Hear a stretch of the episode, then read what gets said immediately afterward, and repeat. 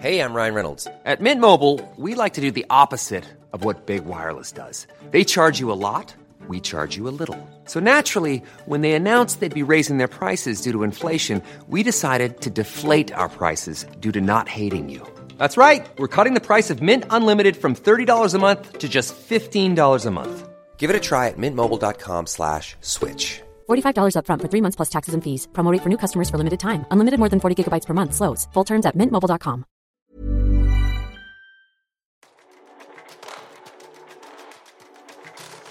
Hei og velkommen til Landsbetter Co., podkasten som tar pulsen på hvordan digitalisering og teknologi påvirker våre liv og næringsliv, og det er på godt og vondt. Denne episoden presenteres av Juvil. Juvil er en digital plattform for utleie av eiendom til film, TV og reklame. Registrer deg gratis nå på juvil.no. Det er da uveil.no. Jeg må starte denne episoden her med en aldri så liten kunngjøring.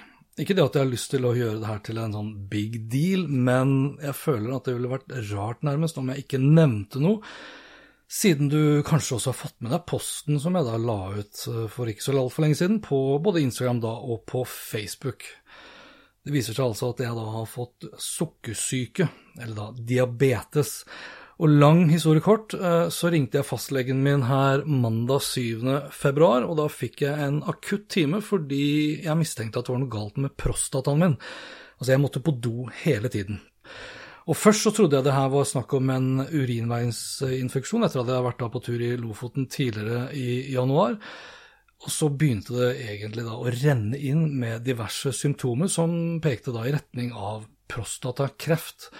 Og det hjalp nok ikke at jeg leste Dagbladets forside på besøk hos TV 2 Nyhetskanalen mandag 7. februar eh, om da nettopp prostatakreft, og selvsagt hadde jeg da alle symptomer også på det. Anyways, lang historie kort. Eh, jeg ble tirsdag formiddag hasteinnlagt på Diakonhjemmet eh, med da diabetes. Skyhøye verdier som i verste fall kunne ført til eh, koma, og for så vidt også dødsfall, eh, uansett hvor dramatisk det høres ut som. I ettertid så er det jo lett å tenke at jeg burde ha sjekket opp det for minst ett år siden, sannsynligvis enda tidligere. Så, så litt moral i historien er sjekk det tidligere, og spesielt du som lytter på som er mann, for vi er treige som F.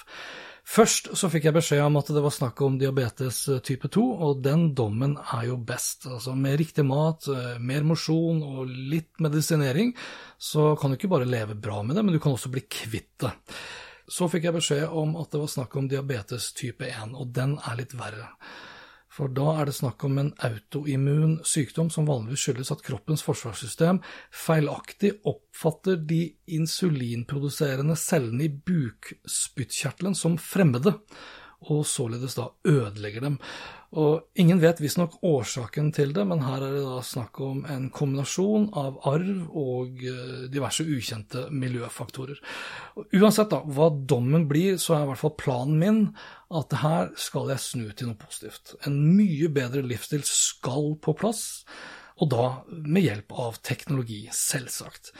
Så langt så stikker jeg meg selv i fingeren med en ganske så døll, hvis du kan si det sånn, nål, som da stikker et lite hull på fingeren min, eh, hvor det da popper ut litt blod, og den bloddråpen den lastes da opp i en liten dings som ser ut som førstegenerasjons kalkulator for å logge seg på nettbanken, hvis du husker det. Den er så videre kobla til min iPhone over Bluetooth, slik at jeg får logget blodsukkernivået og det her må jeg gjøre ganske mange ganger om dagen. Blodsukkerappen er videre synka til Apple Health, som i tillegg er synka videre til Google Fit-appen, som er sånn sett da en helsehub for mitt vedkommende. Og årsaken til at jeg har gått da for Google Fit-appen, det er at jeg også da har Google Nest Hub 2 på soverommet, som ved hjelp av søvnsensoren kan overvåke hvor godt og hvor lenge jeg sover, og så blir alt det her overført videre til Google Fit. I tillegg så bruker jeg ofte min Samsung Galaxy S21 Ultra, og er jeg ute på tur, og nå skal jeg for så vidt ta meg en tur nesten hver dag, så bruker jeg alltid Samsung Galaxy Watch 4-klokka. Den er jo da på plass rundt håndleddet, og her blir jo alt da synkronisert, både fra telefonen og fra klokka, opp da mot Samsung Health appen. Og etter litt uh, googling for å finne ut hvordan jeg kunne synkronisere Samsung Health mot Google Fit, så fant jeg da fram til appen Health Sync, som ikke bare lar deg synkronisere da Samsung Health mot Google Fit, men her kan du synkronisere fra veldig mange apper og tjenester til veldig mange andre apper og tjenester. Så nå vil jo da alt jeg gjør av fysiske bevegelser logges og loggføres og synkes da mot Google Fit, så lenge jeg da har enten med meg min Apple-telefon eller Samsung-telefon eller Samsung sin smartklokke. Og når dommen faller, og jeg vet mer om hvordan livet mitt eh, vil utarte seg hva gjelder måling av blodsukkeret, og hvordan det måles, og ikke minst da tilføring av insulin fremover, ja, da kan jo i gåstein jakten på den beste teknologiske løsningen starte. For målet mitt er jo selvsagt å automatisere alt sammen etter beste evne ved hjelp av teknologi og mest av alt da, ved hjelp av subdermal teknologi. Så det her er starten på slutten for Hansen 1.0, og snart så skal vi da se starten på Hansen 2.0. Here's a cool fact. A crocodile can't stick out its tongue. Another cool fact, you can get short-term health for a month or under a year in some states. United Healthcare short term insurance plans are designed for people who are between jobs, coming off their parents' plan, or turning a side hustle into a full time gig. Underwritten by Golden Rule Insurance Company, they offer flexible, budget friendly coverage with access to a nationwide network of doctors and hospitals. Get more cool facts about United Healthcare short term plans at uh1.com. Planning for your next trip? Elevate your travel style with Quince. Quince has all the jet setting essentials you'll want for your next getaway, like European linen premium luggage options, buttery soft Italian leather bags, and so much more. And it's all priced at 50 to 80% less than similar brands. Plus, Quince only works with factories that use safe and ethical manufacturing practices. Pack your bags with high-quality essentials you'll be wearing for vacations to come with Quince. Go to quince.com slash trip for free shipping and 365-day returns. Jeg må nesten innom én sak til uh, for denne episoden, her, og det er da Meta versus EU-saken, som veldig mange helt sikkert har fått med seg. Som nevnt innledningsvis var jeg innom TV 2 Nyhetskanalen mandag 7. februar, og det var for å snakke om Meta, som i gåsetegn nok en gang truer da, uh, med å trekke seg ut av EU. Jeg var faktisk da først innom nyhetskanalen via FaceTime på kontoret mitt på økonomisendingen til Kjetil H. Dale på morgenen, og deretter da fysisk på plass eh, i TV 2-studio, 1730-nyhetene, før jeg da stakk innom NRK på vei hjem for å snakke om akkurat det samme da til Dagsrevyen. Og utfordringen å snakke om det her til og da sier jeg det stygge ordet, lineære nyhetssendinger, er at saken blir veldig kort, kondensert, og gjerne også da tabloidisert eh, litt for mye, etter mitt eh, skjønn. Eh, og Derfor har jeg også lyst til å ta for meg hele saken, også hva det her faktisk handler om, og ikke minst hvilke konsekvenser det kan få for deg og meg, og alle andre da i EU.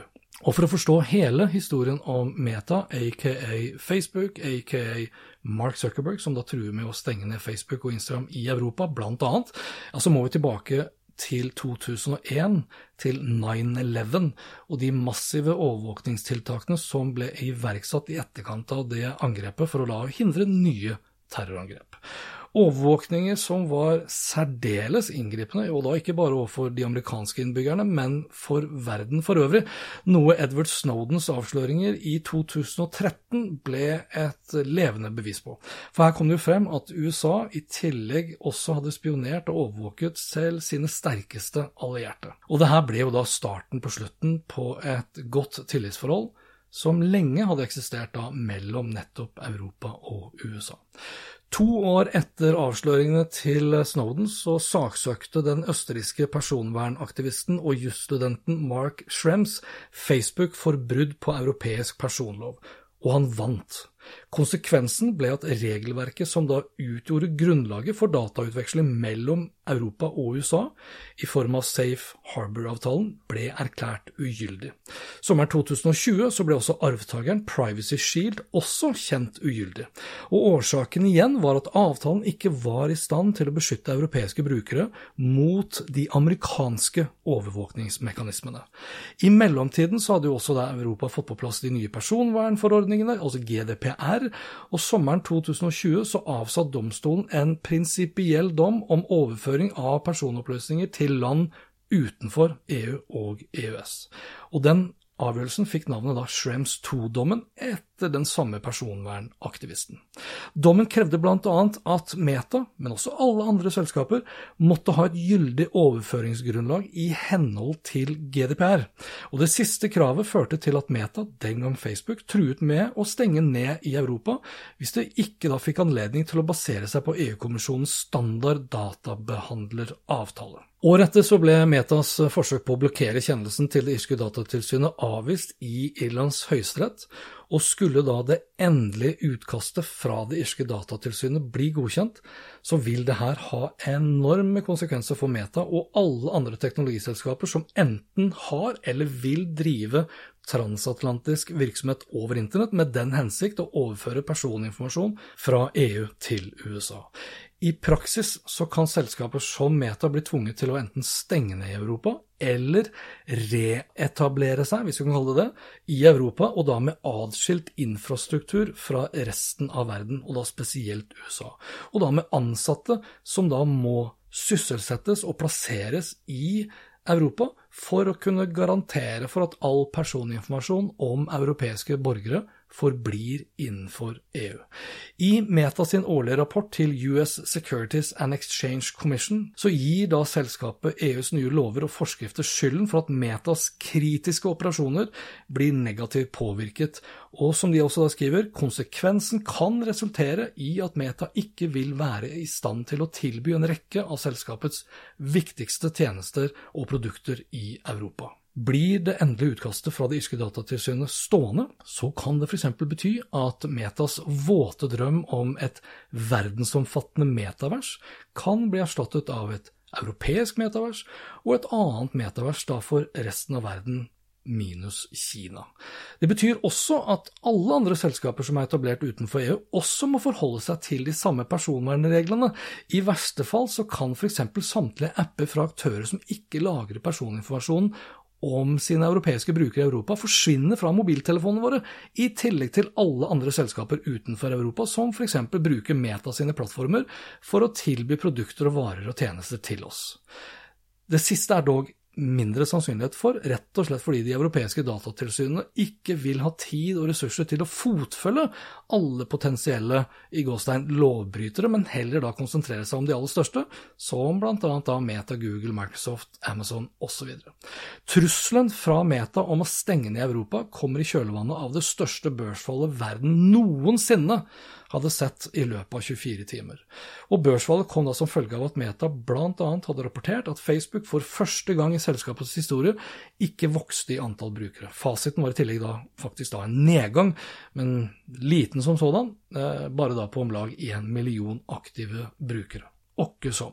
Manglende brukervekst 10 milliarder dollar i estimert tap i omsetning for 2022 som følge av det nye personverninitiativet til Apple, og 10 milliarder dollar i metaversinvesteringer barberte Metas aksjeverdi med mer enn 250 milliarder dollar på noen få timer. På under en uke så har aksjeverdien da stupt med over 30% og Mark Zuckerberg alene har blitt nærmere 300 milliarder kroner fattigere på papiret. Velger EU å stå på sitt og kreve at Meta lar all personinformasjon om europeiske brukere forbli innenfor EU, ja, så kan det da ende opp med at Facebook, Instagram, Messenger, WhatsApp forsvinner.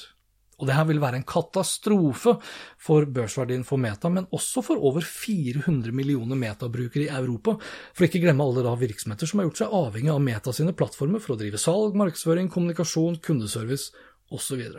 Konsekvensen av EUs beinharde fokus på personvern og sikkerhet kan ende opp med et blodfattig internett i Europa.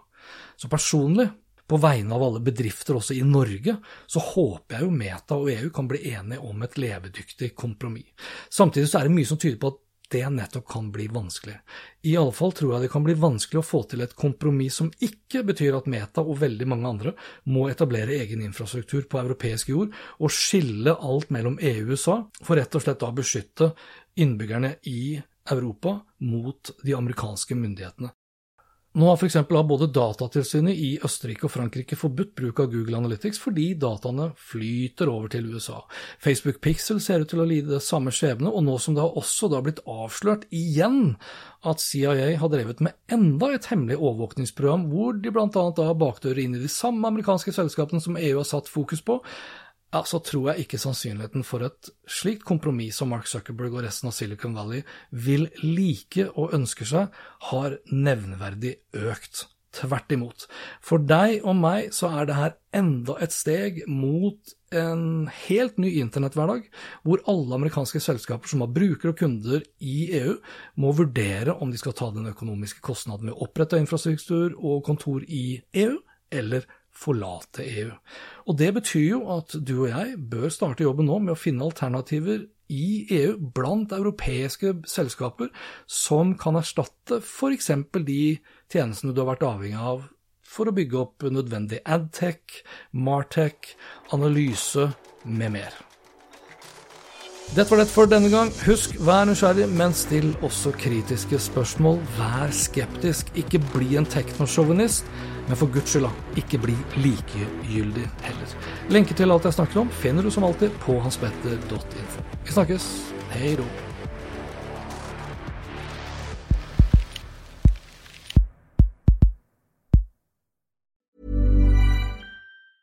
Witness history at Roland Garros, where old rivalries meet new talent on the clay battleground. Tennis Channel Plus is your place to watch. Stream every court from your phone or smart TV live in HD. Experience three weeks of unparalleled access as the world's top players in tennis face off to see if the veterans maintain their dominance or if a fresh face rises to challenge them. Daily live coverage of the French Open begins Monday, May 20th.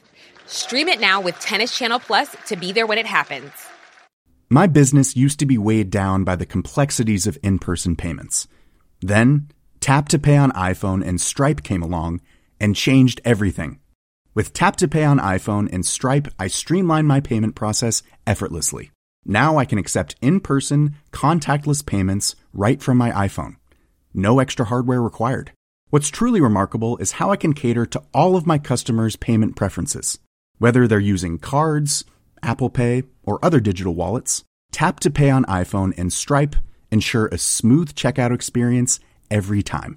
And it's not just me. Stripe helps businesses of all sizes, from local markets to global retailers, scale quickly and stay agile. To learn how Tap to Pay on iPhone and Stripe can help grow your revenue and reach, visit stripe.com slash tap iPhone.